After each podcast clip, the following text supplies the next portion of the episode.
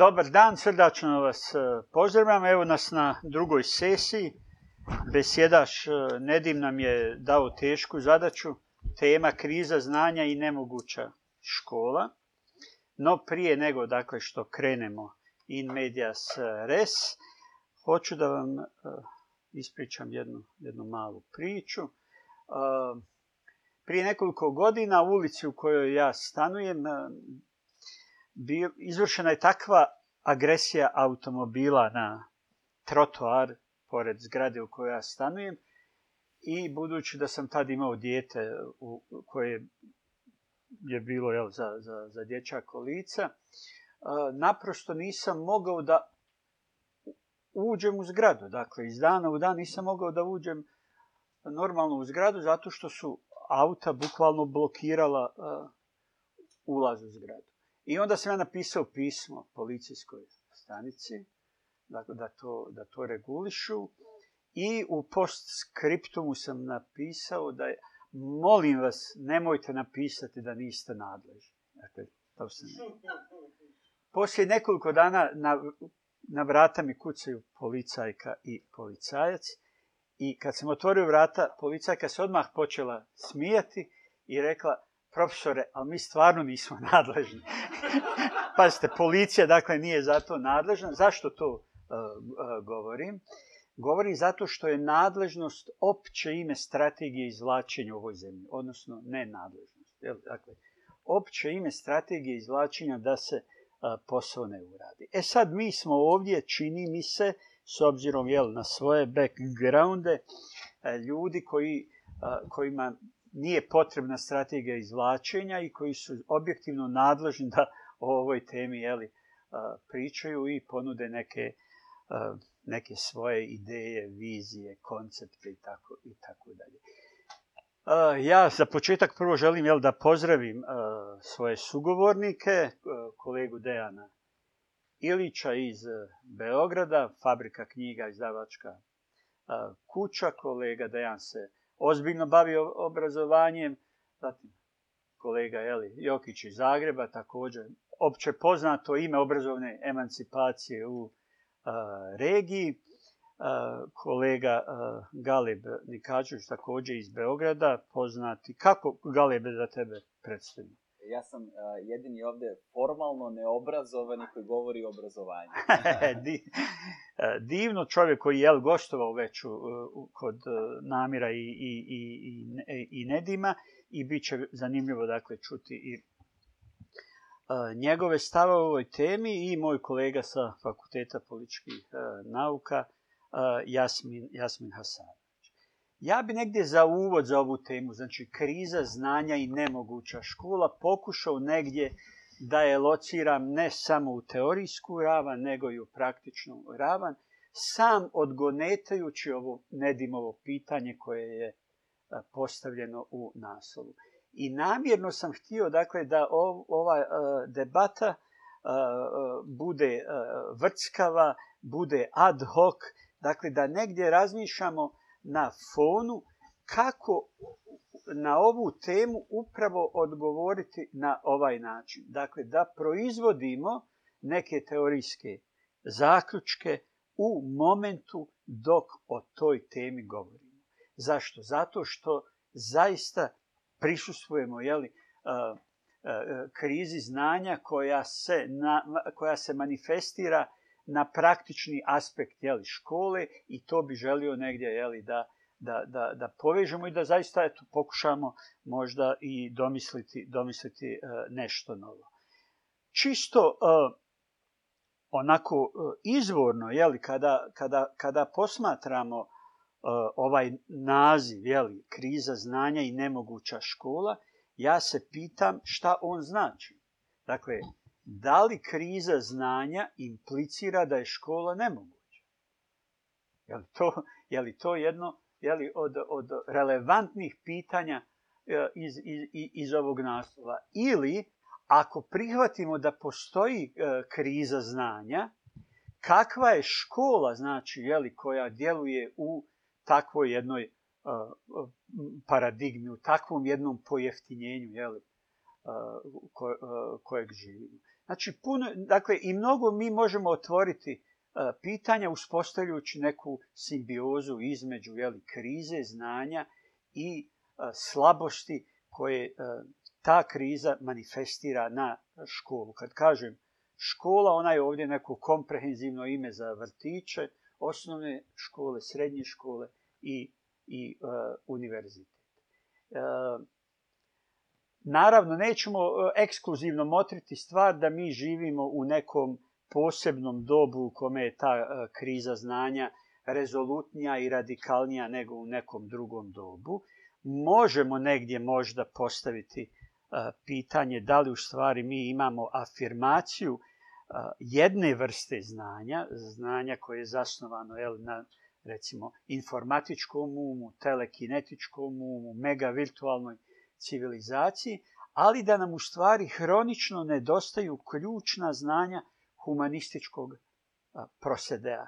I da kako s jedne strane čovjek osvaja nepregledna prostranstva znanja u infosferi, da imamo faktički jednu regresiju kada je u pitanju humanistička i socijalna sfera. To su neka pitanja o kojima bi jeli, volio da govorimo i, i ako, ako ova moja pitanja imaju smisla da vidimo kako se to u stvari reflektira na prenos znanja, na edukaciju, na učenje, dakle na učioncu, na nastavnike, općento, na, na e, e, edukatore. Ako je, taj, ako je ovaj moj ova moja ideja je o krizi e, znanja koja, e, koja ima različite, različite predznake, ako je ona e, tačna, šta se u stvari onda dešava sa školom? I ja bih ovdje bio vrlo radikalan u ovom uvodu. Da li mi u stvari ulazimo u doba u kome je mogućnost i budućnost obrazovanja – pod velikim znakom pitanja. Da li smo mi u nekoj budućnosti koja je počela bliži način obrazovanja koje je za sebe e, rezervirao ili će stara dobra škola preživjeti sve udare e, kojima je, kojima je e, izložena. Evo, to, to je neki set uvodnih pitanja da naprosto negdje E, malo se e, razgibamo i e, ne dajući sada riječ pojedinačno svima vama, evo ko želi prvi da se očituje, oko ovog seta pitanja koji sam postavio.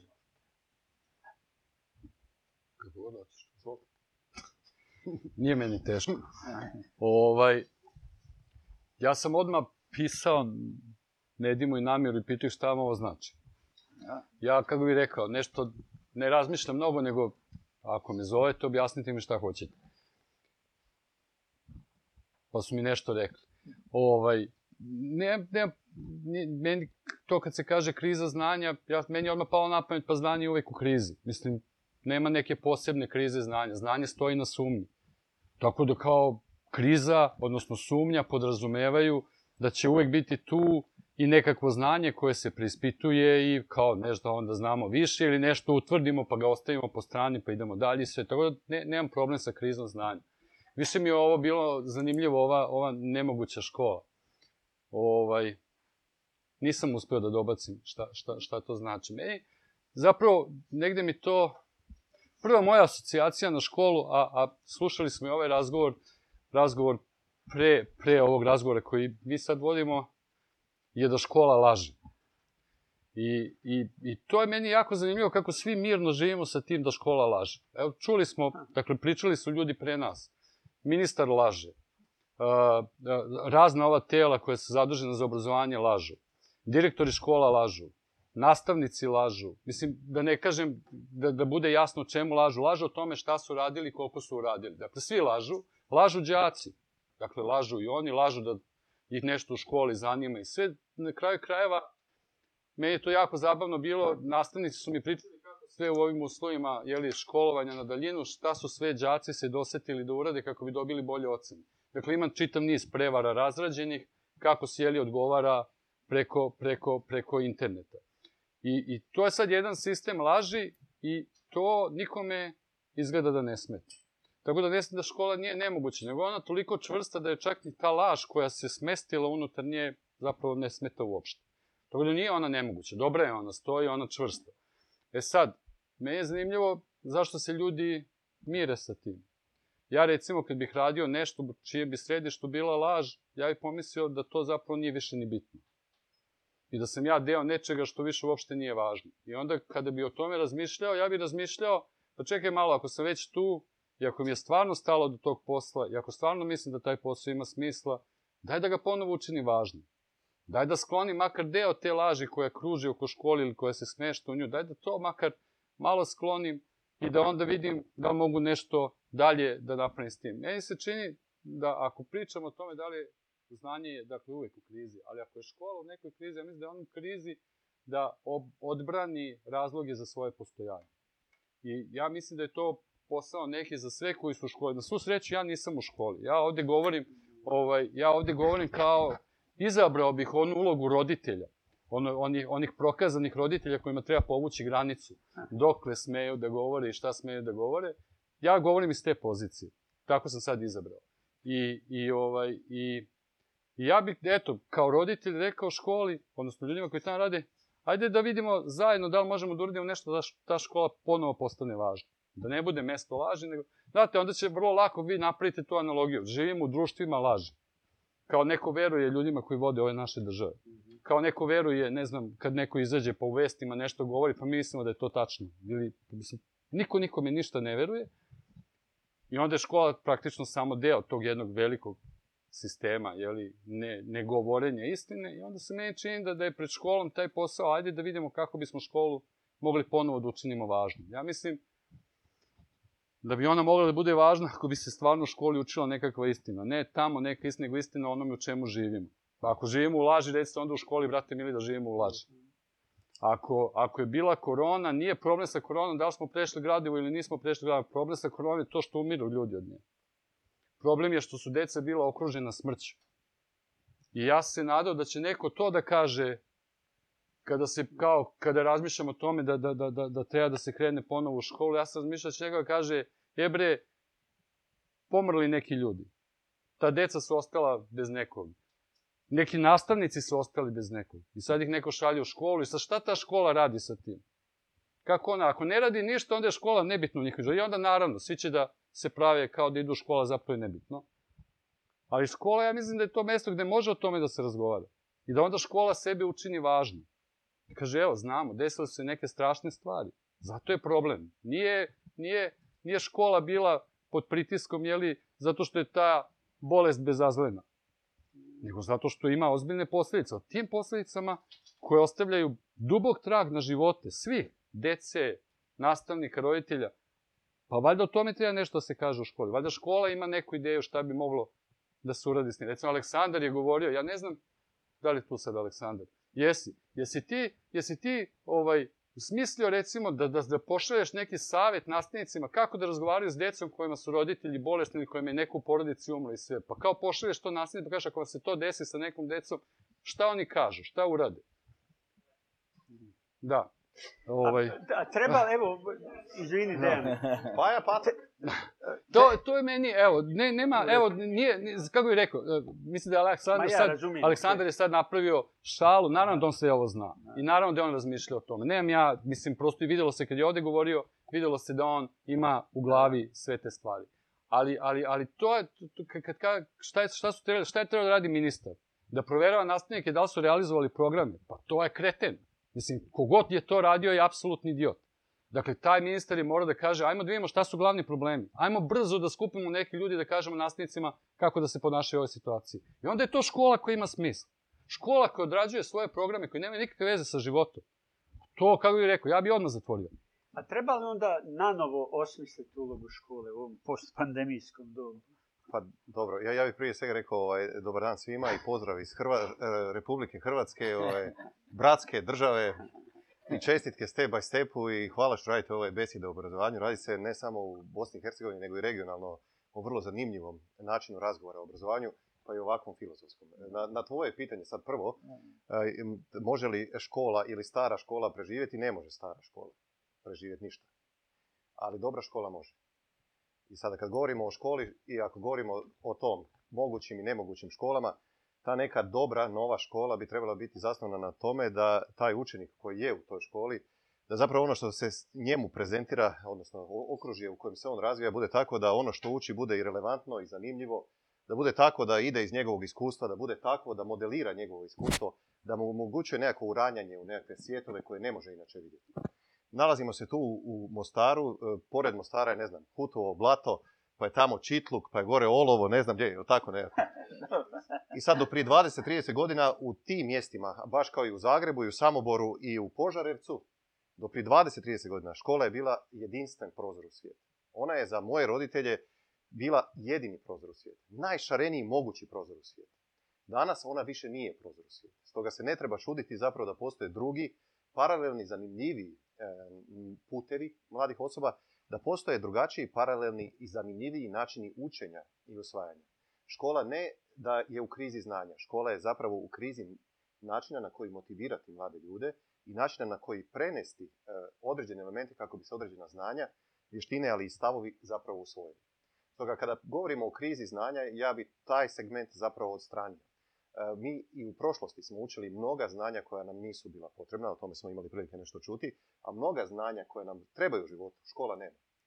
Stoga, kada govorimo o tome što bi trebala biti ta dobra škola, nova škola, ona treba kretati, kao što je bilo rečeno, od tog mlade osobe, od toga što je zapravo ona, gdje je ona, kako se razvija, treba biti uravnotežena sa njezinom razvojnom ili njegovom razvojnom dobi, treba biti takva da mlada osoba, klinac ili klinka ne uči u petom razredu o, što smo bili govorili Maja, o hrvatskim kraljevima u šestom stoljeću, pa da ga mora reći koji je, zato što to zapravo nije znanje koje je potrebno u današnjem svijetu, ali vidite kako trebalo zapravo na neki način povezati uzroke i posljedice povijesnih događaja ovdje, omogućiti im interpretaciju, povezati ih sa popularnom kulturom, popularnu kulturu povezati sa novim medijima, te nove medije povezati zapravo sa medijskom pismenošću, sa stvarnošću, sa stvarnim vijestima, lažnim vijestima.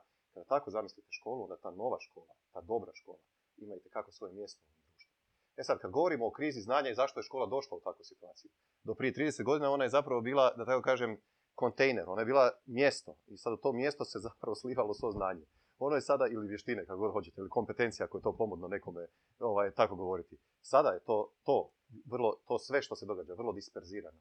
Nekoliko zbilja trendova, velikih svjetskih trendova, megatrendova, utječe na krizu škole i krizu znanja. I na njih škola nije uspjela odgovoriti. Jedno je e, prije svega, i to ste imali i danas prilike čuti, pa čak i iz Dejanovog izlaganja, zapravo izrazita individualizacija. Kada netko kaže gdje je mjesto roditelja, gdje, je, znate, gdje se tu ko šta nalazi i tako dalje, to je zapravo problem i simptom individualizacije u društvu.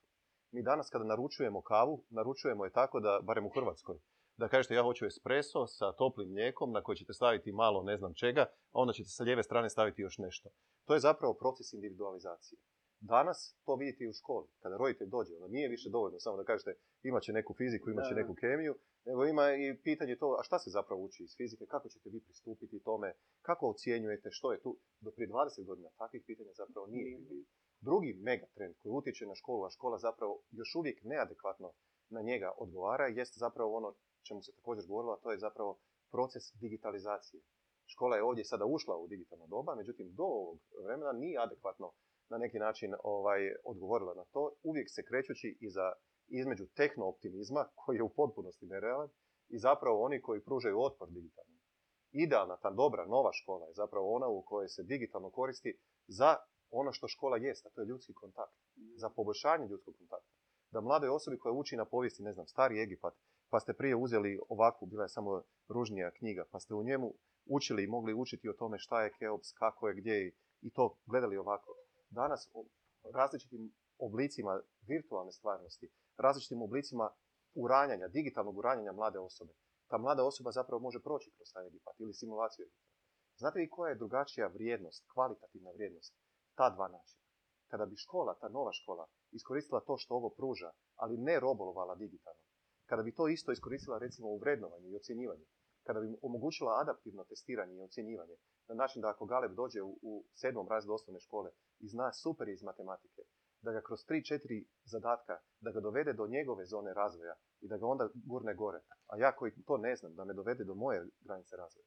A to sve što govoriš je zdravo razumski, a zašto nije moguće? To je sve moguće. I pa, ali, da, da, ali naša stvarnost društvena, jeli, ali gledaj, pokazuje da to nije moguće. Ali gledaj, ja, ja ne znam, pa uvijek koliko na ovim... se ti puta morao povući, jel, bez obzira na sve pokušaje reforme. povlačio, nema, ali ne, ali kad gledaj, ne, sad, to, to mene, ne da me nervira, nego, nego me, zapravo me uvijek fascinira. E, e, znači, ovi tu prostori, ovi tu gdje sjedimo sad, i, i e, Hrvatska, i Bosna, i Hercegovina, i Srbija, i sve ove zemlje zapravo one imaju, po meni, imaju sve preduvjete da postanu e, razvijena, demokratska, progresivna društva.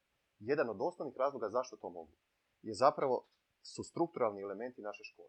I to zapravo nitko neće reći. Naši strukturalni elementi škole, postavljeni u socijalizmu, to nitko isto neće reći, otvoreno, su takvi da zapravo omogućuju idealan razvoj za ono o čemu je bilo prije riječi prije e, malo riječi, a to je podizanje kvalitete uz zadržavanje jednakosti u sustavu.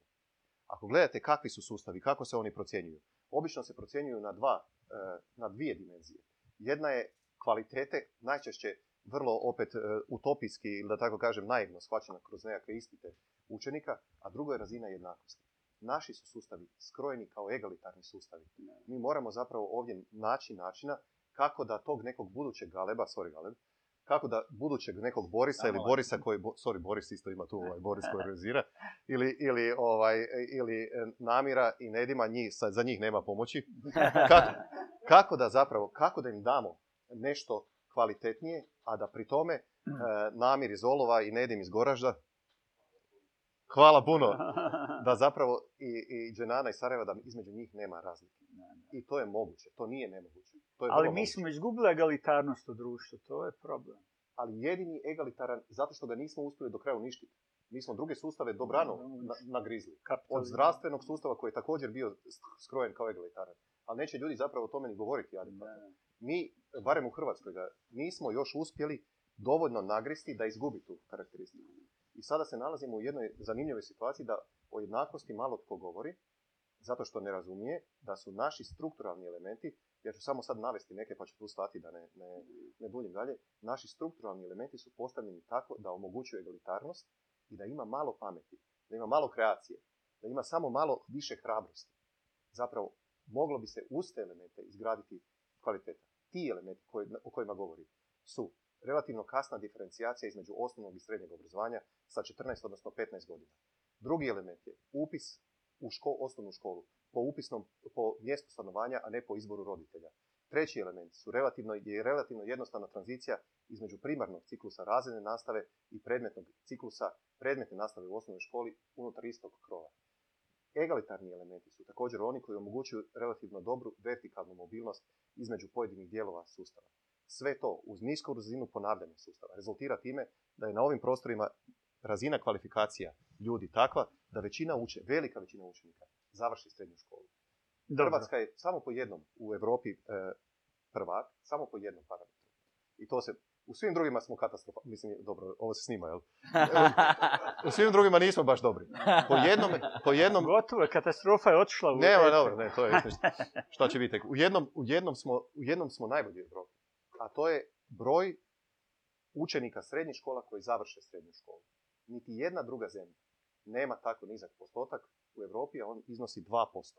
Samo 2% učenika ne završi srednju školu i to je kvaliteta koja ukazuje da smo i dalje imamo mogućnost egalitarnosti, samo kad bi bilo te malo, malo više te iskre da pobudi tu kvalitetu. To je pitanje za posebnu debatu, jer obrazovni sistem ne, može, ne možemo odvojiti od društva u kojem je u stvari triumfirao neoliberalni kapitalizam i to je sad jel, delikatno pitanje. Galib, da, moje pitanje je na tragu ovoga što je Jokić govorio o naglašenoj individualizaciji, mhm. pri čemu je teško pitanje koliko škola kao sistem potiče individualizaciju. Šta ti misliš dalje u stvari budućnost e, obrazovanja baš jedna hiperindividualizacija, da na, jednog, na jedno dijete dođe jedan nastavnik, da, da, da rade kući. Dakle, koncept škole se e, možda, mijenja. To baš pitam tebe imajući u vidu tvoj način edukacije. ajmo, Dakle, ne mogu da kažem šta je budućnost, ovaj, jer to, kamo sreće da mogu da znam tako nešto. Ali ono o čemu bih mogao da govorim u tom kontekstu jeste kada sam ja prvi put, evo primjerom jednim, kada sam ja prvi put zapravo počeo da razmišljam u tom smeru. Bilo je pre nekih desetak godina, možda malo jače, sedio sam kod jedne prijateljice sedeli u stanu kod nje. Ona ima značajno mlađeg brata, dakle njeni roditelji su kasnije dobili njenog brata, koji je recimo u tom trenutku bio red treći raz, četvrti do osnovne škole ili tako nešto. I one sede u svojoj sobi pored i vi kao mami, kad god mu nešto treba, mama sandvič, mama sok, mama, znaš zašto? Zato što je on bio zauzet igrajući igrice. Igrao je, mislim u tom trenutku bio popularan World of Warcraft, tako neka ono online platforma za umrežavanje. Šta je on radio u tom uzrastu? On je, dakle, sede online, kucao je poruke preko telefona, nekome nešto, ostavljao je statuse na društvenim mrežama, na drugom tabu, pretraživao na internetu šta mu treba, igrao je igricu i komunicirao na engleskom sa, ne znam, nekim iz Kine ovamo ili onamo i sve to radio u isto vrijeme i onda je nakon toga trebalo da se spakuje da ode u školu i da gleda nekog nastavnika koji 45 minuta piše kredo na tabu. Dakle, to je u njegovom, to je potpuno, to je nemoguća škola, to je, to je apsolutno nemoguća škola i to je, to je, to je jedna stavka. A, druga je da popularna kultura predstavlja u velikoj meri demokratizaciju tog znanja o kojem se govori. Zato što sa tim snažnim klasnim podavama koje se dešavaju, ovaj, došli smo do nekih elemenata koji su sad meni fascinantni, kojima ja dosta razmišljam. Čitao sam sada recimo Branka Milanovića, globalnu nejednakost, na primjer, u kojem govori kako je dakle, u 20. veku se desilo sa digitalnom progresijom, sa tom globalizacijom, desio se ogroman skok srednje klase, ali pojačavanje klasnih razlika između sirotinje i bogatih. Kod na, na ovim prostorima su stvari nešto komplikovanije, ovaj, ali u tom kontekstu, kada govorimo o, e, govorimo o školi, škola predstavlja jedan ekosistem u kojem se dobija mnogo više od samog formalnog znanja, koje bi zapravo trebalo da se dobija mnogo više. Iz ličnog iskustva, iz onoga što vidimo oko sebe, mogu da kažem da tu postoje ogromni problemi. Da postoje određena vrsta socijalnog kapitala koji dolazi upravo iz popularne kulture, koji dolazi iz različitih mode, različite mode gdje u određenim matricama ponašanja se već razvijaju stvari, postavljaš se na svoje mesto, jer ne postoji ništa što ti pruža podršku ukoliko nisi privilegovan dovoljno na određeni način. Ovaj, I onda kako sada napraviti jednakost u tom nekom socijalnom, emocionalnom, različitim konstruktima, a onda na sve to ovaj, doneti i kao znanje koje a ukoliko ne dolaziš sa nekakvim pedigreom kao što ja ne dolazim i, znaš, sada nemam nikakvo predznanje u vezi sa mnogim stvarima koje su se tu radile, ja ne mogu da uhvatim zamajac sa onime što se dešava u školi, a onda dolazimo do toga šta se dešava kod kuće kada se završi taj školski deo i koja je tvoja mogućnost da uradiš ili domaći zadatak, da ispuniš neke obaveze i sad na sve to onda dodamo i motivaciju. A možeš sebe zamisliti kao nastavnika u školi mogao bih sebe da zamislim kao nastavnik u školi vrlo, e, vrlo lako, ali ono što je važno jeste da taj nastavnik mora da govori e, jezikom duha vremena e, i da komunicira sa svetovima u kojima se ti učenici nalaze. Dakle, jer kada izgovoriš nešto na vrlo, vrlo malu sitnicu, na nekakav pogrešan način, ti si promašio hiljadu milja ono, od mete i u tom trenutku celokupna tvoja reputacija pala u vodu. Dakle, ti moraš da govoriš nekakvim jezikom i da razumeš stvari koje razume ti klinci, taj, da moraš da napraviš most u kojem ćeš da depolarizuješ te svetove i da ih prevedeš nekako ovamo gde treba i da se stvori, dakle, da taj sistem vrednosti kojim oni komuniciraju tebi bude apsolutno jasan. Ne moraš da ga deliš, ali mora da ti bude jasan. Mora da znaš kome se obraćaš, na koji način Ja te primio u svoju školu. da, tako da, Ove ovaj, I sada, e, tu je ono gdje sada kultura postaje u najsvom širem kontekstu važna. Dakle, kultura je postala nadnacionalna, postala je nadjezička. Ti možeš sad da imaš gomilu klinaca, četiri, pet klinaca koji su najbolji drugari, koji žive na četiri različita kontinenta, koji se nikada nisu sreli, nikada neće možda sresti. Gde je to gde su se oni upoznali? To je nekakva kulturno tačka identifikovanja. Te stvari su postale globalne. Sada se sve upoređuje na tom nivou i te, te, te informacije koje dolaze sa različitih strana i to što je, što je Boris govorio, dakle, sada kako koja je uloga škole koja je trebalo da bude prozor u svet u tom trenutku. Sad su prozori u svet svuda, samo ne u školi. E pa ja mislim da, dakle, škola kaska za ovim sad što si, da kaska. Što si ti uh, Kaskala je pre 20 godina da je ono, da. znaš, obišli smo je za krug, smo je ostavili. E, e, e zato, ću, zato ću vratiti... To je prilika. To, to je prilika da se Vratit ću ovo pitanje na, na, na znanje, na krizu znanja. Evo, mhm. ali to kriza znanja, tu sintagmu ćemo e, motriti ono, etimološki, jel, kao mogućnost za donošenje, jel, važnih, važnih odluka. Jasmine, ti kao evo, politički filozof koji, koji radiš doktorat o emancipaciji, dakle, e, kako ti vidi znači, e, suvremenu, suvremeni svijet e, znanja? I da li, da li je moguće znanje transformirati u resurs jednakosti? Ovako, prije svega dobar dan klasično. Ovaj, ovo što je Nedim postavio kriza znanja. Ja mislim da je ovdje Nedim prije mislio na krizu možda nauke i krizu obrazovanja. Jer, kao što je Dejan rekao, znanje mora biti u krizi, bilo koja naučna paradigma mora biti u krizi, jer na taj način mi zapravo spoznajemo svijet. I to je taj jedan epistemološki razvoj koji nas je doveo na ovu, ovdje gdje nas je doveo. Znači, ja bih postavio jedno drugo pitanje, a to je e, kako nauka dolazi u krizu, znači nešto što je, što je naučno, i na koji način e, se to manifestira. Moja teza je da se to manifestira u onom trenutku kada i znanje i nauka prestanu služiti društvu. Jer je društvo to koje i proizvodi znanje i koje to znanje sistematizira u nauku. E, uzet ću samo jedan primjer koji me inspirisao iz prethodnog panela mi smo toliko srozali kriterije u brojnim stvarima, pominjala su se takmičenja. mi smo bombardovani sa, od, od strane društvenih mreža i od strane internet portala, ali ovih printanih, kako su neki uspješni mladi ljudi otišli na neko takmičenje i osvojili neko mjesto ili kako je neko nešto u svijetu. Međutim, E, da li postavimo pitanje koliko su ta neka takmičenja uopšte relevantna, koliko su ona značajna, ili se radi zapravo samo o nečemu što je, sjećam se jedne, jedne prilike je bilo zastava BiH među deset najljepših u svijetu. Odete tamo na portal, to je neki momak vodi blog i ono svaki dan nešto objavljuje i među ostali pronašao je zastavu Bosne i ja njom bila simpatična i tu stavio. To je bila vijest dana. E, došli smo u tu tragičnu situaciju da hvalimo nekog političara ili političarku jer je to, Bože, obrazovan. Pa sad dobijete nekog parlamentarca, parlamentarku, načelnika, gradonačelnicu, nebitno, imate pozitivan stav o njemu ili o njoj jer je obrazovan ili obrazovana i zna jezike. Znači nešto što bi se trebalo jeli, ono, normalno podrazumijevati, to je nama zapravo neki statusni, statusni simbol. E sad, da vratimo na, da vratim na pitanje.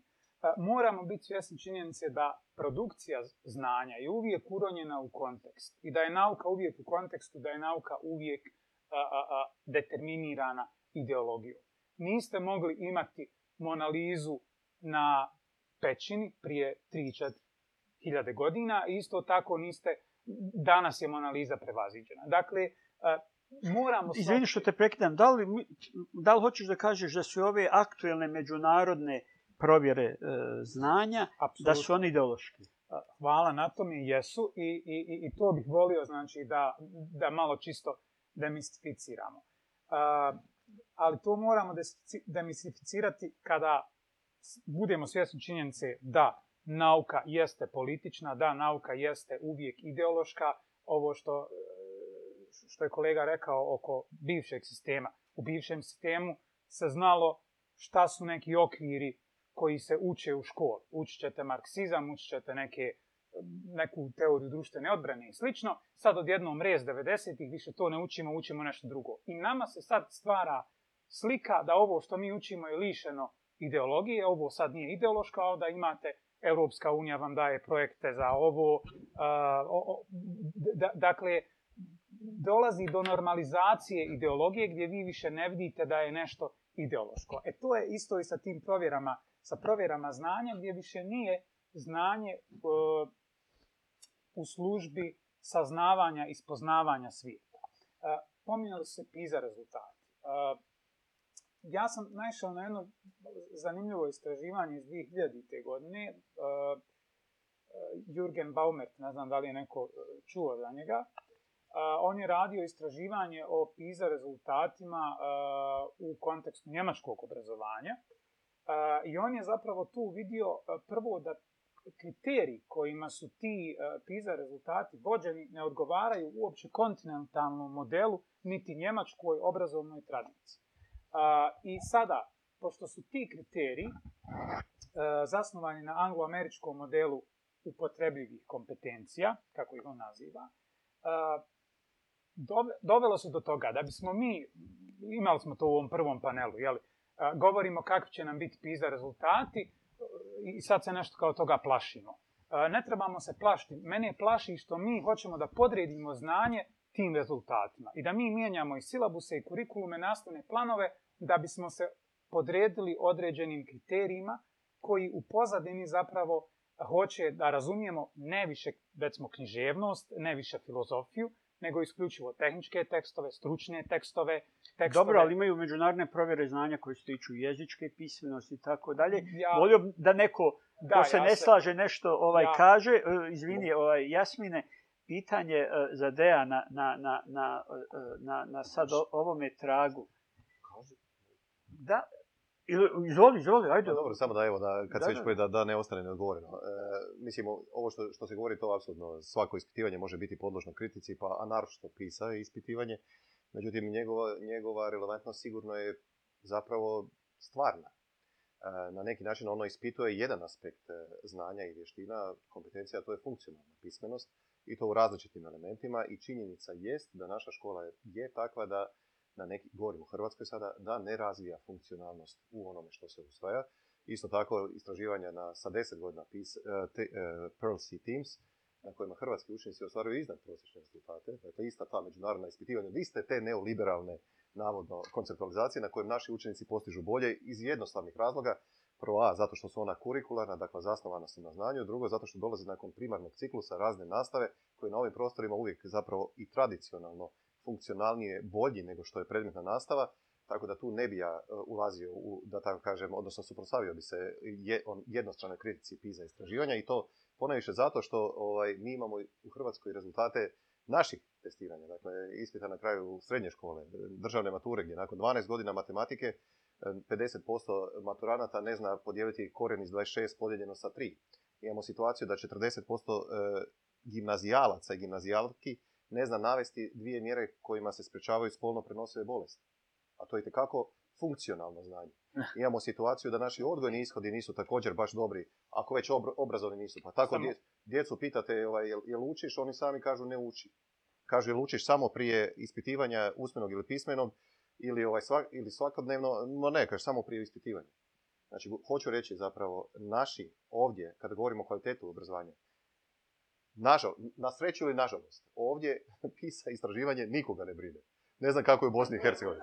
Ali u Hrvatskoj mi sad, znaš, ono, u Njemačkoj je to jedno, to je bio tako... Brine, ali niko nije Piza šok koji se dogodio. PISA šok, da, niko nije, Piza šok se dogodio kao tako. Sad ovdje, ovdje smo u drugoj krajnosti. Znači, Hrvatska, Srbija više ni ne sudjeluje. Oni su rekli, ono, jednom, odnosno, deset godina nisu sudjelovali. Ne znam, Republika, Republika Srpska, hoće Republika Srpska sad sudjelovati ili neće?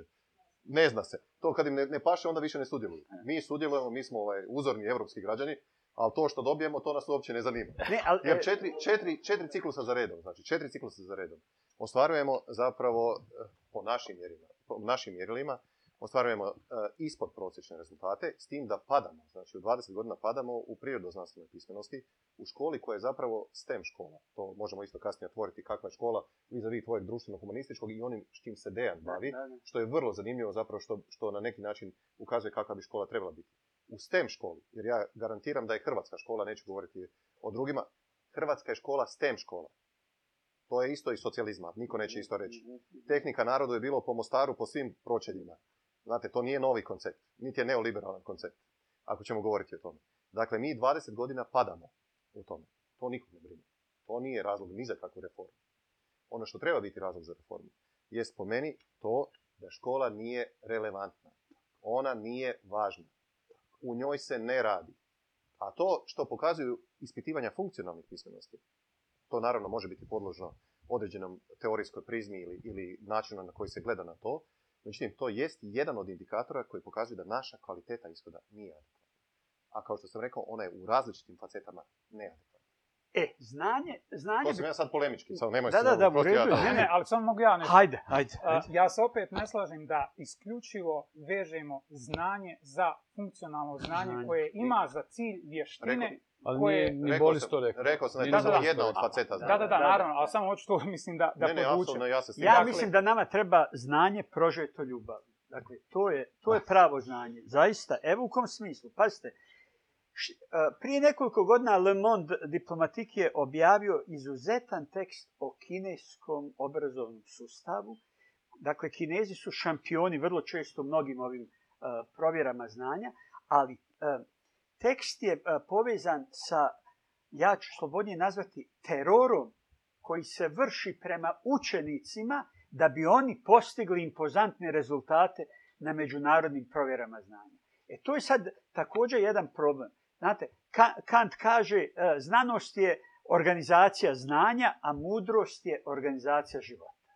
E sad, pazite, znači, po cijenu nekih izuzetnih rezultata na nekim provjerama e, znanja dovoditi djecu u stanje radikalne iscrpljenosti, dakle što je recimo u tom e, tekstu argumentirano, po meni je važno, važno se baviti tim pitanjem. Dakle, da, da, da ne padnemo u zamku da su rezultati na nekim bitnim provjerama jeli, e, znanja sami po sebi svrha. Znači, to je ono negdje gdje gdje mi se čini da, da bi mogli dati neki novi, neki novi značajan, značajan rezultat. Dakle, e, e, Dejane, ka, kakvo je tvoje mišljenje o, o... o Kini? ne o Kini, nego o ovome. ne, šalim se. Ovaj, nešto sam sad slušao pažljivo, ovaj, pa, pa zapravo me Boris isprovocirao ovaj, sa tim našim kapacitetima da budemo odlični, ali evo, samo nam malo fali, ali to malo nam fali već decenijama i nikako da, ga dostignemo. Ovaj, i, i, sad ima, sad bih ja probao da argumentujem zašto nama to malo fali uporno. Ovaj, prvo, škole nisu postojale od Škole su nastale relativno nedavno. Dakle, nema razloga da verujemo da će škole postojati uvek.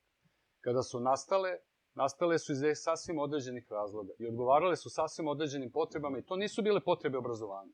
Zapravo je obrazovanje bilo u funkciji upravo ovih nekih stvari o kojima smo jeli, mhm. malo pre razgovarali. To je prva stvar. Prvo pitanje za škole ovdje je čemu škola danas služi?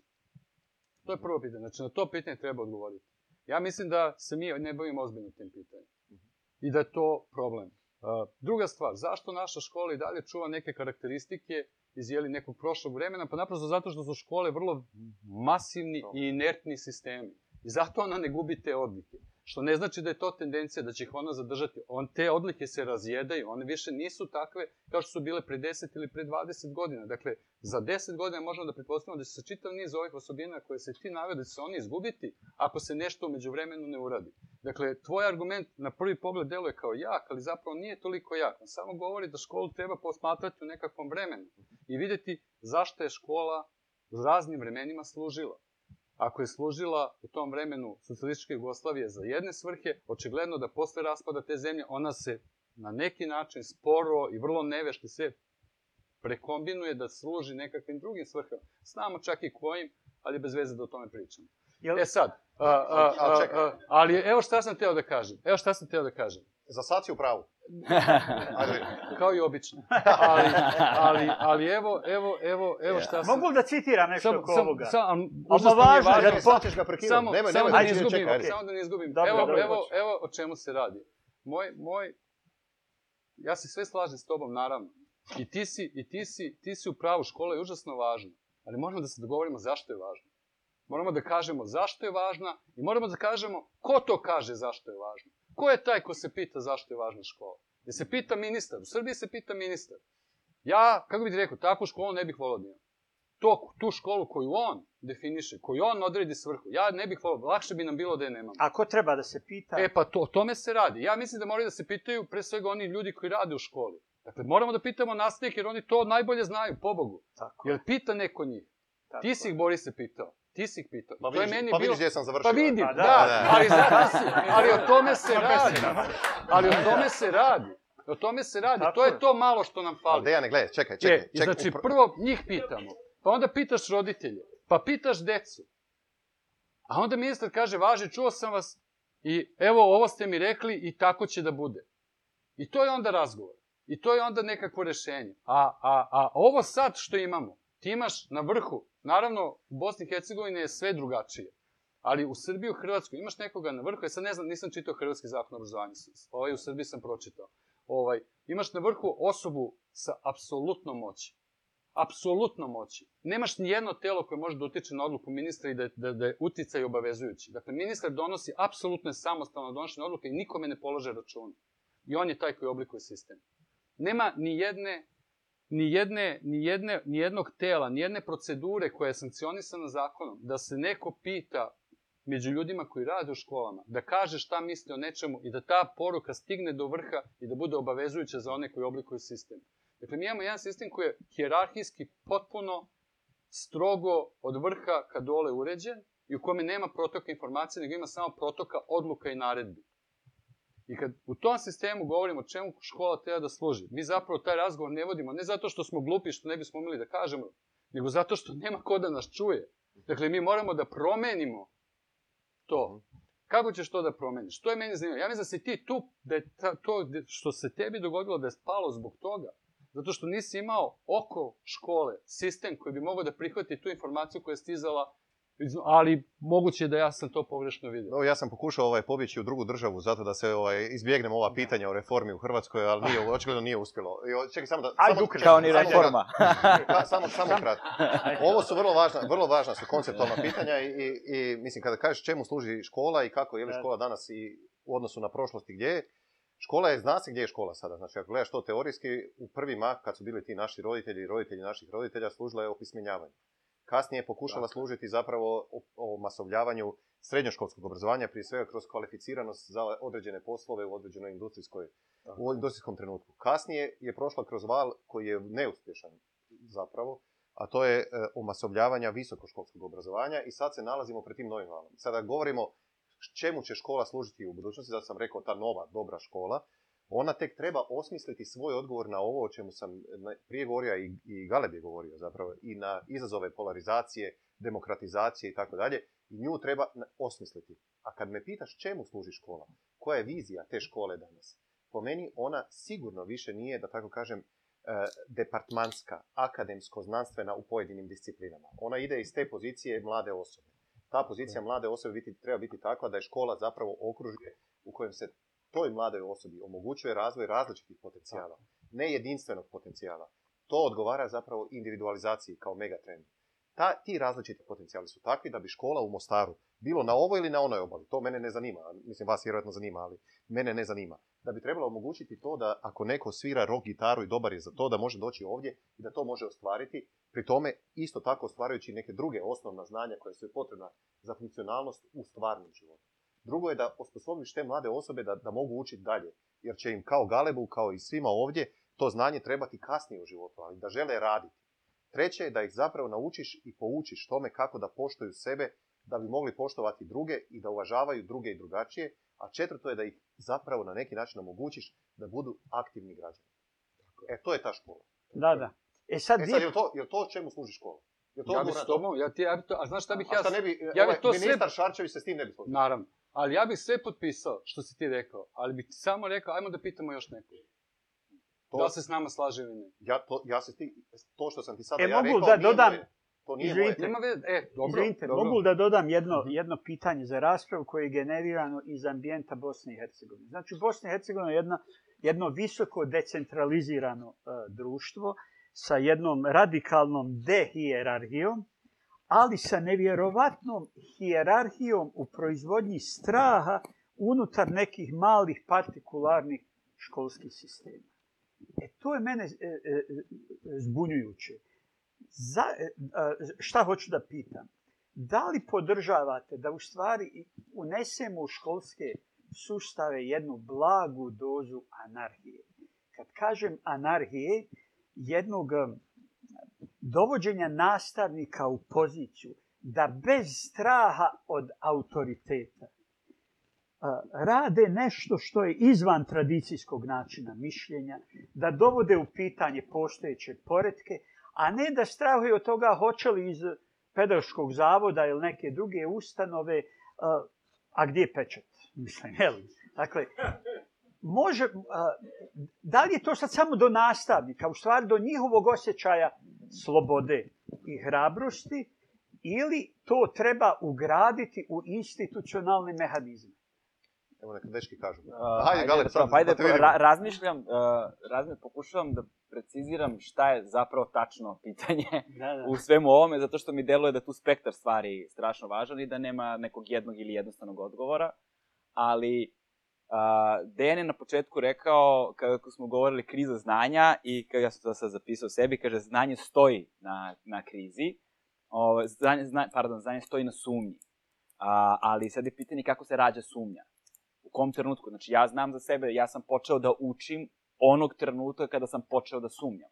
Ali kada sumnja se destabilizovalo, je Tako, između ostalog. Dakle, mm. kako se sad, kako se sad rađa, kako se sad rađa sumnja, Dakle, ali sumnja se rađa nekakvom destabilizacijom postojećeg na nekom nivou, sa zavisnosti od čemu govorimo konkretno, da ne bude sada ono za sve od po, tepihom pokrivamo sve zajedno, da se razumemo tu odmah.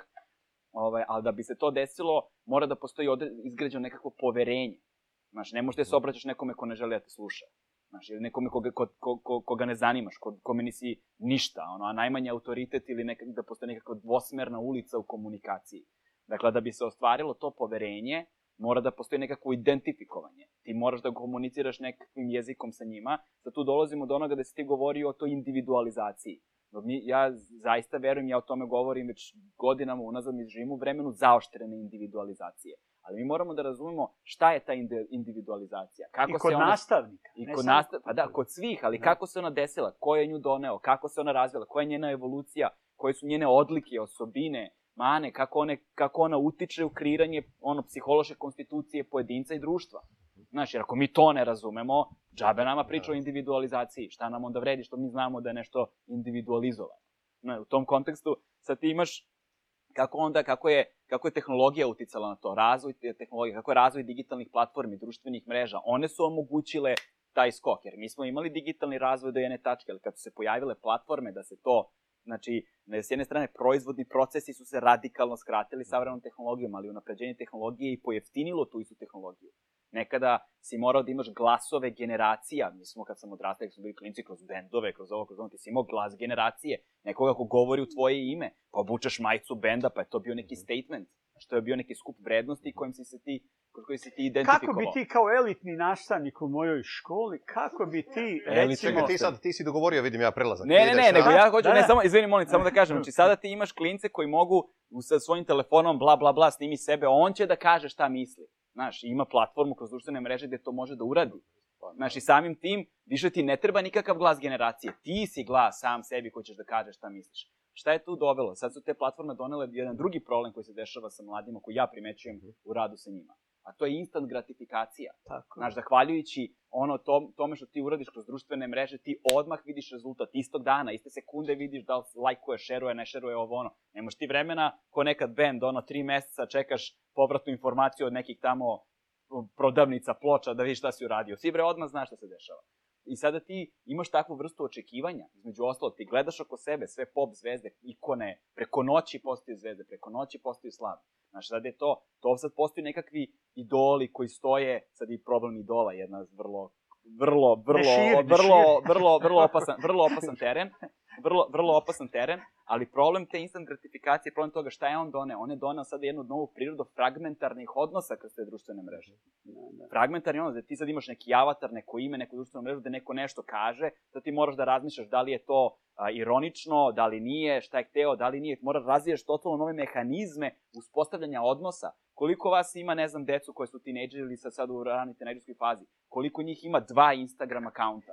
Znaš, izvini sekund. Dakle, u kojem je jedan privatan, zaključan za mali broj, a drugi je otvoreni, jer kad dođeš u školu novu, u novo okruženje, u novu učionicu da te niko ne zna, ne upoznaju se više s tom ovako, nego odu, nađu te na Instagramu pa te ocenjuju. Pa da, ali uvijek postoji ta individua, taj učenik, taj džak. Evo, gledaj, na tragu ovog što ti sad rekao. Recimo, kako je uvedena online nastava? A samo sekund, ali šta govori ovo, e, taj, kapital koji oni koriste u učionicama? Znaš, sad ti imaš nastavnika koji stoji pred, ne znam, 30 dece, oni sad funkcioniš u jednom svetu, u jednoj ravni, sa kojom ti nemaš nikakve dodirne tačke. I sada ako se nešto, jako sam se, ne znam, izblamirao pred 30 godina u trećem razredu osnovne škole, danas sa tim drugarima pijem pivo i smejemo se tome. Danas klinac ako se izblamira, to je na internetu, snimljeno telefonom, on ima ozbiljan problem do kraja svog života. Tako je, to je to. to. je sad, oni ne mogu, to je jedna vrsta pritiska, to je jedna vrsta, znaš, odnosa, ono, socijalnog kapitala s kojim oni moraju da hendluju učionicama Izvin, da se dešava moram, te, moram te prekinuti naš višak riječi malo, moram da, onaj, e, da, da postavim pitanje, može se jasminiti u, u, uključiti. Recimo kako je uvedena online nastava. Sad ću se e, e, fokusirati na fakultete. Dakle, sve je odšlo u Honduras. Znači, umjesto da nama te nove, e, kako bi rekao, nova sredstva digitalna pomognu u osvajanju znanja, desila se jedna radikalna izdaja etičkog imperativa u proizvodnju i usvajanju znanja od strane i nastavnika i studenta. Pazite, rezultati ispita iz zimskog semestra ove školske godine u odnosu na predpandemijsko polaganje ispita na univerzitetu s kog ja dolazim, rezultati su radikalno bolji. Kad kažem radikalno, za 50-60%. Znači, nećemo govoriti o tome da su geniji hmm. nastali u, u, tri mjeseca, je li tako? Znači, i sa, ali pazite, većini je to nova normalnost, nešto što je, što je prihvatljivo. Ta djeca će sutra donositi odluke u ovom društvu hendikepirani radikalnim odsustvom znanja. Znači, bez obzira na sve avatare, bez obzira na sve ove druge elemente, ne smijemo izgubiti iz vida stvarni, realni život koga će sutra oblikovati djeca koja masovno prepisuju zato me, mene brine ja, ali, nije, ali, samo se nije, isto niži razred osnovne škole i fakultet i kao da, da, pa dobro, ali sve je škola. potpuno drugačije. Evo, ja mislim da je upravo to razlika između znanja i vještina, odnosno kompetencija.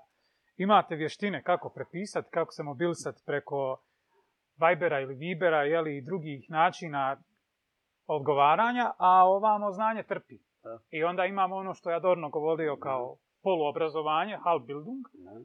ili... ili Mediokritete. Da, ili, ili znači jednostavno gdje uh, znanje ispašta na osnovu nekih hajmo reći kratkotrajnih vještina, ovo što je Dejan rekao. Dakle, one su sad aktualne te vještine. Ali da li će te vještine biti aktualne i, i, značajne za 20-30 godina, s obzirom kako napreduju tehnologija, uh, vjerovatno neće. Imamo jedan mit da, da mladi bolje recimo poznaju tehnologiju od starijih, mislim da to baš nije tako. I ne mora biti nužno da, ako je neko mlađi i mlađa generacija, da zna bolje na, na digitalnim tehnologijama nego, nego mladi. A što se tiče mlađi, a što se tiče ovog pitanja da li nastavnik može uvesti neku subverziju u čioncu, pa i da i ne. I to je sad opet stvar individualnog, jer ne zaboravimo da je škola kao institucija koja institucionalizira samo znanje uvijek bila manje ili više jeli, vođena državnim politikama. Da je ministarstvo to koje definira šta će škola učiti i šta će se učiti u školi i šta će taj nastavnik predavati. Ovo što, što kaže Dejan, niko ne pita tog nastavnika zapravo šta on želi ili ne želi ili osjeća li impuls šta učenici više želi ili, ili ne želi I zapravo sad je to e, stvarno pitanje jednog e, individualnog incidenta, da li nastavnik može da potiče učenike i učenice na samoobrazovanje ili eventualno na to da e, škola ne bude samo mjesto onoga što je Altiser govorio ideološkog aparata moći gdje se mhm. državna ideologija ili svjetonazor spušta na razinu škole gdje škola onda oblikuje male istomisleće umove koji će jeli, reproducirati samo ono što se želi reproducirati. U stvari moć koju ima država je u radikalnoj koliziji sa ovom školom koju Jokić zahtjeva. To, to, je, to je po meni veliki problem. Čekaj, meni je prvo drago da, ovaj, da vidim da ima u, u Bosni i Hercegovini još ovaj anarhista. ja, vidim ja da je to anarhija all over baš čaršija, da je to ono, da tu anarhisti dalje žive, da je to ovako. Ali ovaj, kad, kažeš subverzivno, vi ste odmah otišli u ilegalu, ovaj, ko što je bilo rečeno. Subver, ono, ne, pa ne mora biti subverzivno, nego da. čekaj, čekaj da malo vidimo ovako. Znači, da li, koji je prostor autonomije, to je prva stvar. Da li se taj prostor autonomije u radu, koji je vrlo važan za profesionalizaciju određene, određenog zanimanja, a ono je deprofesionalizirano na ovim prostorima, da li se ono može sustavno izgraditi i na koje način? To je po meni pitanje. Mhm. Drugo pitanje, kada ponudiš nekome autonomiju, a to možemo sad filozofski opet malo, i kad ponudiš slobodu, obično se kod ljudi javlja strah. Neće ljudi reagirati na slobodu kada joj daš tako da je obrle sa dvije ruke izljube, nego će se najčešće prvo zapravo povući od slobode. Stoga zapravo pitanje, osim ovih ilegali, ono, ilegalnih anarhičnih elemenata, je zapravo kako graditi prostor autonomije i slobode na sustavan način. Tu u ovoj prostoriji je e, e, moj kolega Petar Bezinović, koji je vodio ovaj dio kada smo zajednički radili na strategiji znanosti, obrazovanja i tehnologije. I e, on može potvrditi da kada smo izašli sa prijedlogom što treba Hrvatska napraviti u sljedećih 20 do 30 godina u obrazovanju, a to je bilo zasnovano na nekim od ovih ideja koje ovdje ja zastupam, kada smo prvi put došli prezentirati to e, nastavnicima u Zagrebu, u dvorani koja prima 1400 ljudi, došlo je njih troje. Troje. To je bilo, ako se ne varam, 2014. godine, negdje u desetom mjesecu troje ljudi je došlo uopće vidjeti što to se nudi. A nudila se, nudilo se između ostalog povećanje autonomije u radu. Od 2014. godine do 2016. godine, dve godine je prošlo tada, je zapravo od tog trenutka gdje ih je bilo troje, u 1.6.2016. godine bilo ih je, ako se ne veram, 50 tisuća. A u školama još više tisuća. Koji su bili spremni ne prigrliti slobodu, nego razmisliti o slobodi. Razmisliti o autonomiji. Ne uzeti, nego je samo razmisliti o njoj. Pa, za kvalitetu kvantitet. Čekaj, ne, ne, taj, ta činjenica, kako od, te, od tog trenutka doći do ovog trenutka, je zapravo odgovor na tvoje pitanje. A ono se tiče onoga što je Dejan bio prije spomenuo. A to je zapravo pitanje demokratizacije procesa u obrazovanju i demokratizacije procesa promjena u obrazovanju. Ako govorimo o demokratizaciji procesa promjena u obrazovanju, onda ono ovdje uključuje, Aleksandar je bio govorio o, reformama koje su 30 godina ovdje i tako dalje, ako želite drugačije pristupiti reformskim procesima, onda oni na ovim prostorima trebaju nužno zapravo uključivati slijedom ovih stvari galebe o kojima sam govorio prije, ti koji o kojima si ti govorio, zapravo nužno uključuju oslanjanje na odgojno-obrazovne radnike, na ljude u školama. Činjenica da zapravo pokušavaš napraviti promjenu od ozdola u odnosu na to da je Šarčević ili kogod radio do zgora, sad, sad imam problema opet, Zbog tebe, da ne, u Srbiji. Da. Ovaj, ok, i zbog Galeba, vjerojatno isto tako, ali dobro, nećemo o tome. Znači, činjenica da je radi netko od ozdola, da netko ko je iz, eh, ne znam, iz Pazina ili netko ko je iz Ploča, sudjeluje u kreiranju nacionalnog dokumenta, zapravo za ishod ima radikalnu promjenu moći. To je golem. Ako radiš radikalnu promjenu moći, to znači da zapravo ne djeluješ anarhično na sustav, niti subverzivno, nego doveo se u situaciju da stvarno uzmeš sustav. A u kojoj mjeri si ti uspio tu radikalnu promjenu moći institucionalizirati? Čekaj, sad, dozvolim. Znači, ok, znači, pokušavaš, znači, ne raditi anarhičan element, nego substantivno pokušavaš promijeniti obrazovni sustav, a posljedično možda i društvo.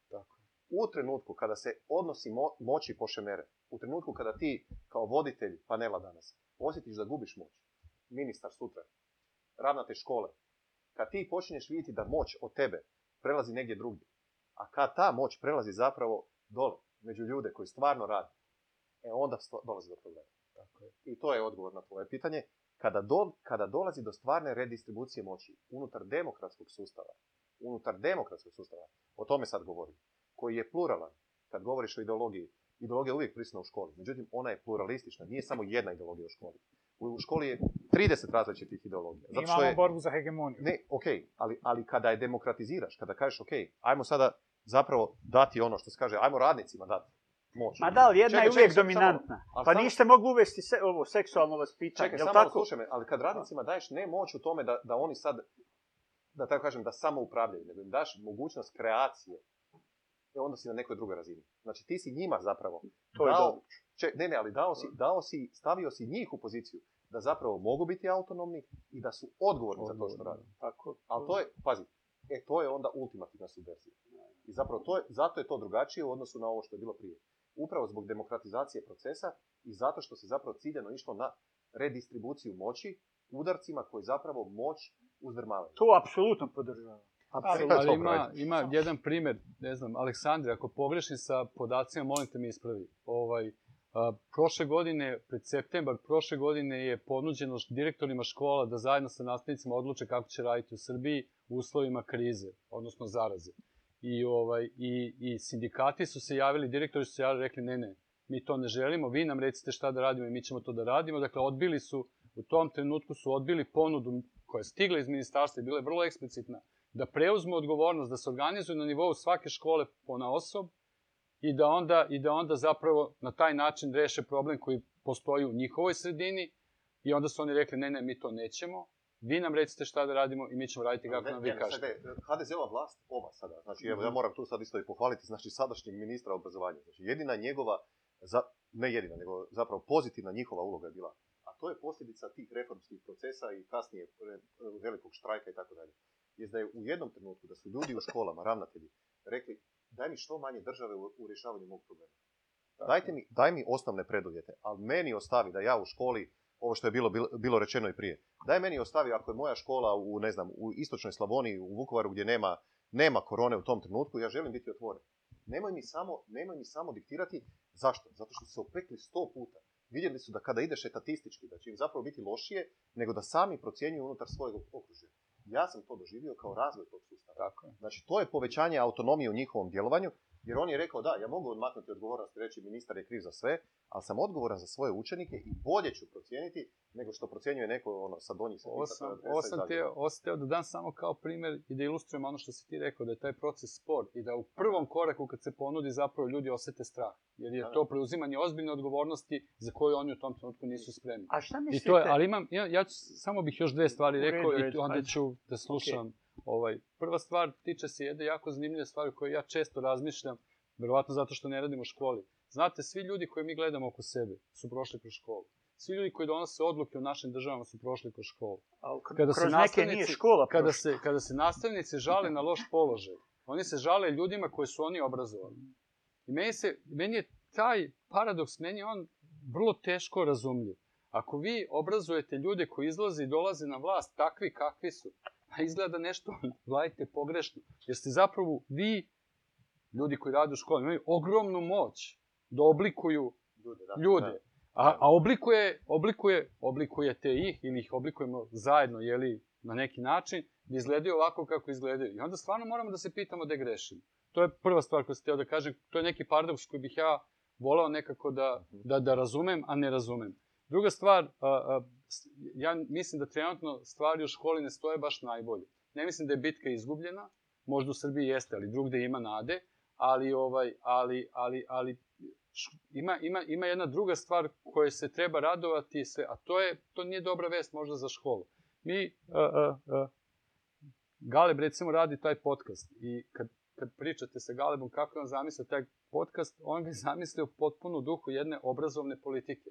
On taj podcast vidi kao jedan obrazovni proces. I on ga radi vrlo dosledno, vrlo uporno, vrlo redovno, jer drugačije ne može. I on u ovom trenutku ima uticaj koji je veći od svake pojedinačne obrazovne ustanove na ovim našim teritorijama. Tako da, kako bih vam rekao, ne treba Galebu nuditi posao, on ga je sebi napravio i radi ga očigledno odlično. Tako da, eto, to, bilo mi je važno da to kažem zato što, zato što, zato što kad pogledate kako on slaže te svoje podcaste, kako bira sagovornike i koje teme bira i kako reaguje zapravo na aktuelne događaje i pokušava da ih stavi u neki kontekst i da alate ljudima da razumeju ono što se događa oko njih tako što zove sagovornike koji to mogu da objasne, to je zapravo škola. Tako da nije strašno možda ćemo izgubiti jednu školu, dobit ćemo neke druge škole, pojavit će se neki ljudi poput Galeba koji će napraviti neke svoje škole ili na mestima gdje mogu da ih naprave i ja nisam, ono, meni je to u redu. E dobro, dime, dokad mi ovo imamo fore? Čekaj, ali, samo, ček, ček, ček, ček, ček, ček, ček, Ali imam pitanja, ja moderiram, pa ja pa moderiram. Samo, čekaj, čekaj, čekaj, samo da, ovo što važno je to, se tiče Galeba. E, znači, gledaj ovako. To e, meni priča ne, ne, zato što, zato što, radiš, dobru, stvar, barem ono što sam ja vidio, ovaj, i radiš korisnu stvar i otvaraš različita pitanja na koje ljudi mogu, mladi ljudi možda mogu i gledati i, i izložiti se. Međutim, e, nitko, ni opći mediji, govorili smo prije o mainstream medijima, niti, niti podcast, niti itko drugi ne može što može škola. Ma naravno. Čekaj, a znaš šta je to? Nitko ne može ko što može taj nastavnik ili nastavnica, nitko ne može u ljudskom kontaktu oduševiti i toliko razočarati. Da. Znači, Galeb nikad neće razočarati toliko koliko može netko, a ne, ne može dotaknuti tog nekog ko možda u ne znam kakvom selu nema nešto. I sad gledaj, to, dolazimo sad do, tog pitanja šta je ta digitalna škola ili online škola i tako dalje. Zapravo naše istraživanje koje provodimo dovode do jednog, mislim zanimljiv je paradoks, nije neobjašnjiv, psihološki on vrlo jasan. Je zapravo da učenici u Hrvatskoj, znači njihovo iskustvo online škole, koje po meni, po onome što sam bio čuo, zapravo, i sad ne govorim to ni iz kakve pozicije, bilo možda i puno bolje nego na ovim prostorima, gdje su učenici imali i u realno, u stvarnom vremenu školu i tako dalje. Da je ono tako, da su klinci pomislili da je škola ok, da je učionica ok, da je fizička škola ok.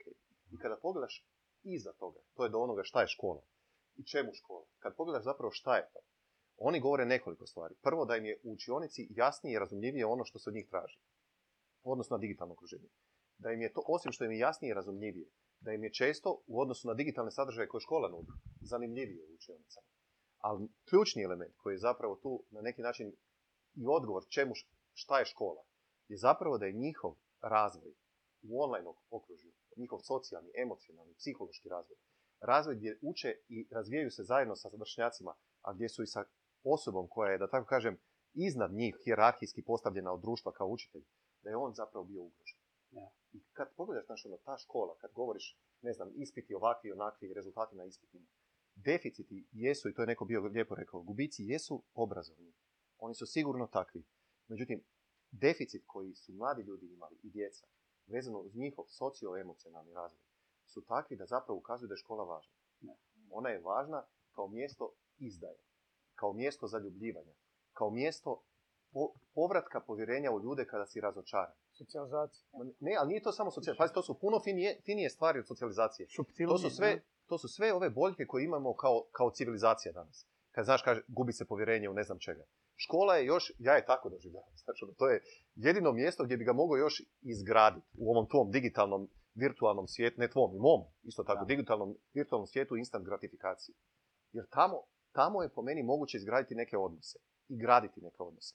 Ako nju nemaš, ako nju izgubimo kao mjesto, kao mjesto socioemocionalnog razvoja mladih ljudi, psihološkog razvoja, onda se zapravo, onda se postavlja pitanje ne čemu škola, nego čemu civilizacija i gdje će ono. Pa moć nastavnika je ogromna i tu moć treba u stvari na eh, najbolji mogući način koristiti. U tom smislu, ja negdje mislim, a, a ispravite me ako griješim, možda je to negdje regulirano, da bi bilo jako dobro kada bi unutar zakona o osnovnim i srednjim obrazovanju bilo vrlo jasno normirano e, da se ohrabruje isticanje nepopularnih mišljenja, da nastavnik ima pravo na jednu individualnu intelektualnu autonomiju. Ono.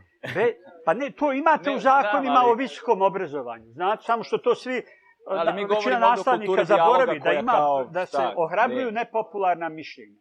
Ja mislim da je to od ogromne važnosti, jer bi nastavnici dobili jedan manevarski prostor, dakle da bez straha, bez razvoja te dominantne kulture e, straha educiraju na e, najbolji mogući način djecu. I tu se potpuno slažem sa kolegom Jokićem da je tu škola nezamjenjiva u tom direktnom transferu znanja. Ovo recimo e, podcast što gale bradi, ti sjajni rezultati. Po meni problem nastupa što su to ad hoc znanja, odnosno ljudi napuste platformu kao da nikad nisu bili. Vi vidite recimo da ćete u momentu kada se nešto emituje, da je posjet, evo ja imam jel, e, redovnu mjesečnu kolumnu i vi ćete u trenutku objavljivanja kolumne, znači imate e, veliku e, čitanost, veliku posjećenost. Već sutradan jedva Jel, me razumijete? Dakle- ovde, nije to slučaj. Hmm? Ovde nije to Ajde, slučaj. Jasno. Ovde nije to slučaj. Platforme za koje se ljudi vezuju na ovaj način je nešto što kada ih, radiš, ja ih tendenciozno radim da ne budu vremenski osetljive. Znači, možda je nešto trenutno povod, ali ono što se dešava u razgovoru je šire od toga, pa će biti aktualno za 10 godina. I onda ljudi konstantno otkrivaju, ja vidim po konkretnoj analitici da se gledaju slušaju stare epizode. To je ono, jučer smo baš vidjeli, znači to je redovno se dešava. Ali, ali, van, ali van toga, ono što hoću kažem već ovaj, sa školom, ako sam dobro razumeo, a problem je u tome što škola ne funkcioniše odvojeno od ostatka života. Znaš, i, da, nastavnik bi trebalo, ima da moći, trebalo bi da bude mesto gde mogu da se sve te stvari nekako razreše, ali to bi onda pretpostavljalo da nekako ti učenici sve to ostave ispred učenice pre nego što uđu unutra, to prosto nije stvar. Ono, znači kako, kako je društvo u kojem se ta škola nalazi, kakva škola možda bude. Znači sad u trenutnim društvima u kojima mi imamo, kakvu mi situaciju trenutno imamo u društvima, moramo razmišljamo koje su naše mogućnosti, šta je naš prvi korak uopšte da krenemo ka tome što bi trebalo negde možda na kraju dana bude cilj. Ali, znači, znaš, gde je taj cilj, a ono gdje se mi trenutno nalazimo. Ali, upravo, upravo si totalno. Ne samo da škola, ono, kao zajednica i tako dalje. Škola bi trebala biti dio zajednice. Pa da. I sad, slušaj, ovdje ti je to isto tradicionalno, zapravo, kad pogledaš kako je to bilo ovo tvoje povijesno pitanje. Znaš, škola je ovdje izolirana od zajednice. Ona je namjerno odijeljena od zajednice. I kad pogledaš moderne nekakve tendencije, ne moderne, nego to već ono ne znam koliko, ne. Znači, škola treba izaći u zajednicu, treba živjeti s tom zajednicom. To kad ti govoriš trenutak, znaš, ono, gdje smo u nekakvim tim sinhronicitetu e, stvarnosti kojima neko živi i kojima neko živi. E sad, kad pogledaš isto tako danas tu, tendenciju da, da škola izađe u zajednicu, ona se najviše primjenjuje u situacijama, recimo, getoiziranih dijelova u velikih urbanih gradova, velikih metropola. Pa ne znam, imaš problem u Marseju sa određenim dijelom grada ili u Berlinu sa određenim dijelom grada ili u, Napolju i onda u tom trenutku, tek tada, kada si došao do ruba, tek tada škola izlazi u mm. mjesto. I tek tada Znači, kada si dotirao do kraja, kad, kad vidiš da ćeš izgubiti djecu tu, da, da im na neki način trebaš pomoći, tek tada škola odlazi. I odlazi onda na trgove, odlazi u muzeje, odlazi gdje ima Pa i to je dobro. Ne, ne, slušaj, odlazi na, na igralište, odlazi, uključuje, uključuje hip-hop, trap glazbu, kao e. način, znaš, pokreta, e, e, umjetničke ekspresije. E sad, da, da, da, da, su samo malo ljudi pametniji, da su ti, kako se zove taj vaš, Milan, kako se zove, ovaj, ministar. Nije važno. Nije ili, ili Aleksandar, da je Aleksandar taj malo pametniji, ili Andrej da je malo e, e, pametniji. E, kako se zove vaš predsjednik? Koji? Nemamo mi Ne, ne, ne, da, da su ovi, da su vaši. Da, koji ima Da su oni malo, da, da su oni malo pametni. Znaš, pa da, da ideš korak naprijed i da kažeš, ok, stvarnost je takva da zajednica se polarizira, da, da imamo ono međugeneracijsko nerazumijevanje koje je sve veće. Polarizacija na, na sto različitih načina. Ajmo te škole napraviti nešto drugo. E sad, to povlači novo pitanje koje još nisi stigao formulirati, vjerojatno hoćeš, a to je zapravo kako, kako osmisliti obrazovanje nastavnika. Da ga makneš zapravo iz akademski predmetno uskog specijalistu u čovjeka zapravo ili osobu koja može tako razvijati. E, Pedagog. E pa ne, to je... To je, to je, zato što kada tebi ta zajednica uđe u učionicu, ti onda nemaš pojma što s njome da radiš jer je ne razumeš, znaš, s jedne strane. S druge strane, veliki broj dece, ogroman broj dece, koliko puta se meni lično to imam tog iskustva hoćeš. Ja kad meni tu nije mesto. Znaš, ja se srećem u učionici sa ljudima s kojima se nikada u životu ne bih razgovarao. I znači, imamo problem. Znači, kako razrešiti tu situaciju? Misliš, kao učenik i učenik? Kao učenici, da, uzajamno, Znači, ti, postoji cijela jedna dinamika koja se dešava, ono, mnoge dinamike koje se dešavaju tu, sada treba nekako nastava u svemu tome da se odvija i da funkcioniše, da postoji, da se nešto usvoji. Znači, e isto pa- tako kao što oni odu sa kolumne, pa ih nema više, tako odu iz škole, pa kao da nikad nisu bili. to se isto dešava, to je, mislim, normalna stvar. Nažalost.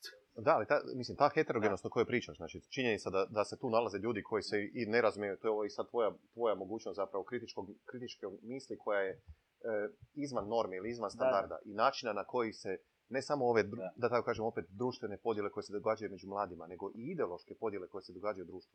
Kako njih na neki način hendlati, kako, kako s njima rukovati u učionici.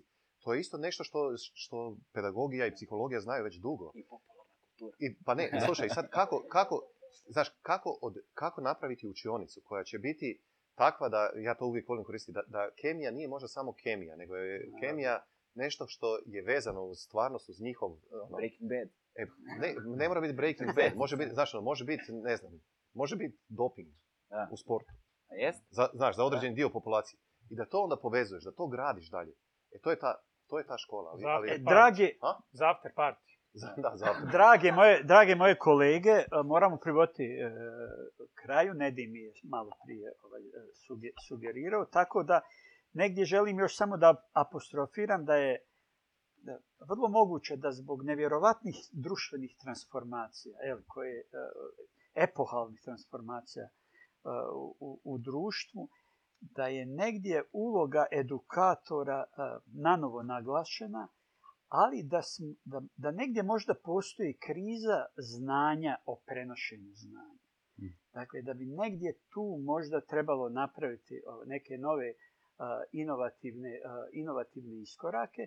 To je znači jedna dimenzija koju sam želio negdje da, da naglasim i da je demokratizacija i pluralizacija znanja i obrazovanja, da je to pomen u stvari aksijom jedne dobre škole koja nije nemoguća, nego, nego moguća. Dakle, unutar nekih zaista utopijskih diskursa mi možemo proizvoditi, proizvoditi uvjete za promjenu za promjenu socijalnog konteksta, pa tako i, i obrazovnog konteksta. Ta demokratizacija i pluralizacija u mom uvidu e, zahtijeva e, smanjenje hijerarhije u odnosima među edukatorima na najmanju, na najmanju mjeru. Ja mislim da je to da je to neki put slobode i usvajanja e, svega onoga najboljeg jel, što nam škola nudi. Zašto? Zato, jedan pametni filozof je rekao da, ne, da ljudi ne postaju tirani zato što im je hladno, nego zato što želi da ponize drugog. E, ja mislim da u procesima obrazovanja treba isključiti mogućnost ponižavanja. Evo, to je neki, e, kako bi rekao, neka pojenta s kojom bih završio ovo ja danas. Hvala vam. Hvala vam.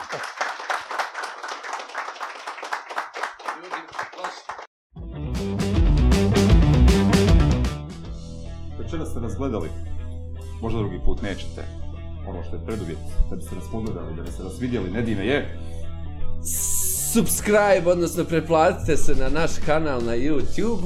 Zove se Coji Step by Step i treba da kliknete dole, u crvenom piše subscribe, subscribe, molim vas. Ukoliko do naredne emisije 50 vas ne klikne subscribe, vjerovatno se više nikada nećete gledati. To je to,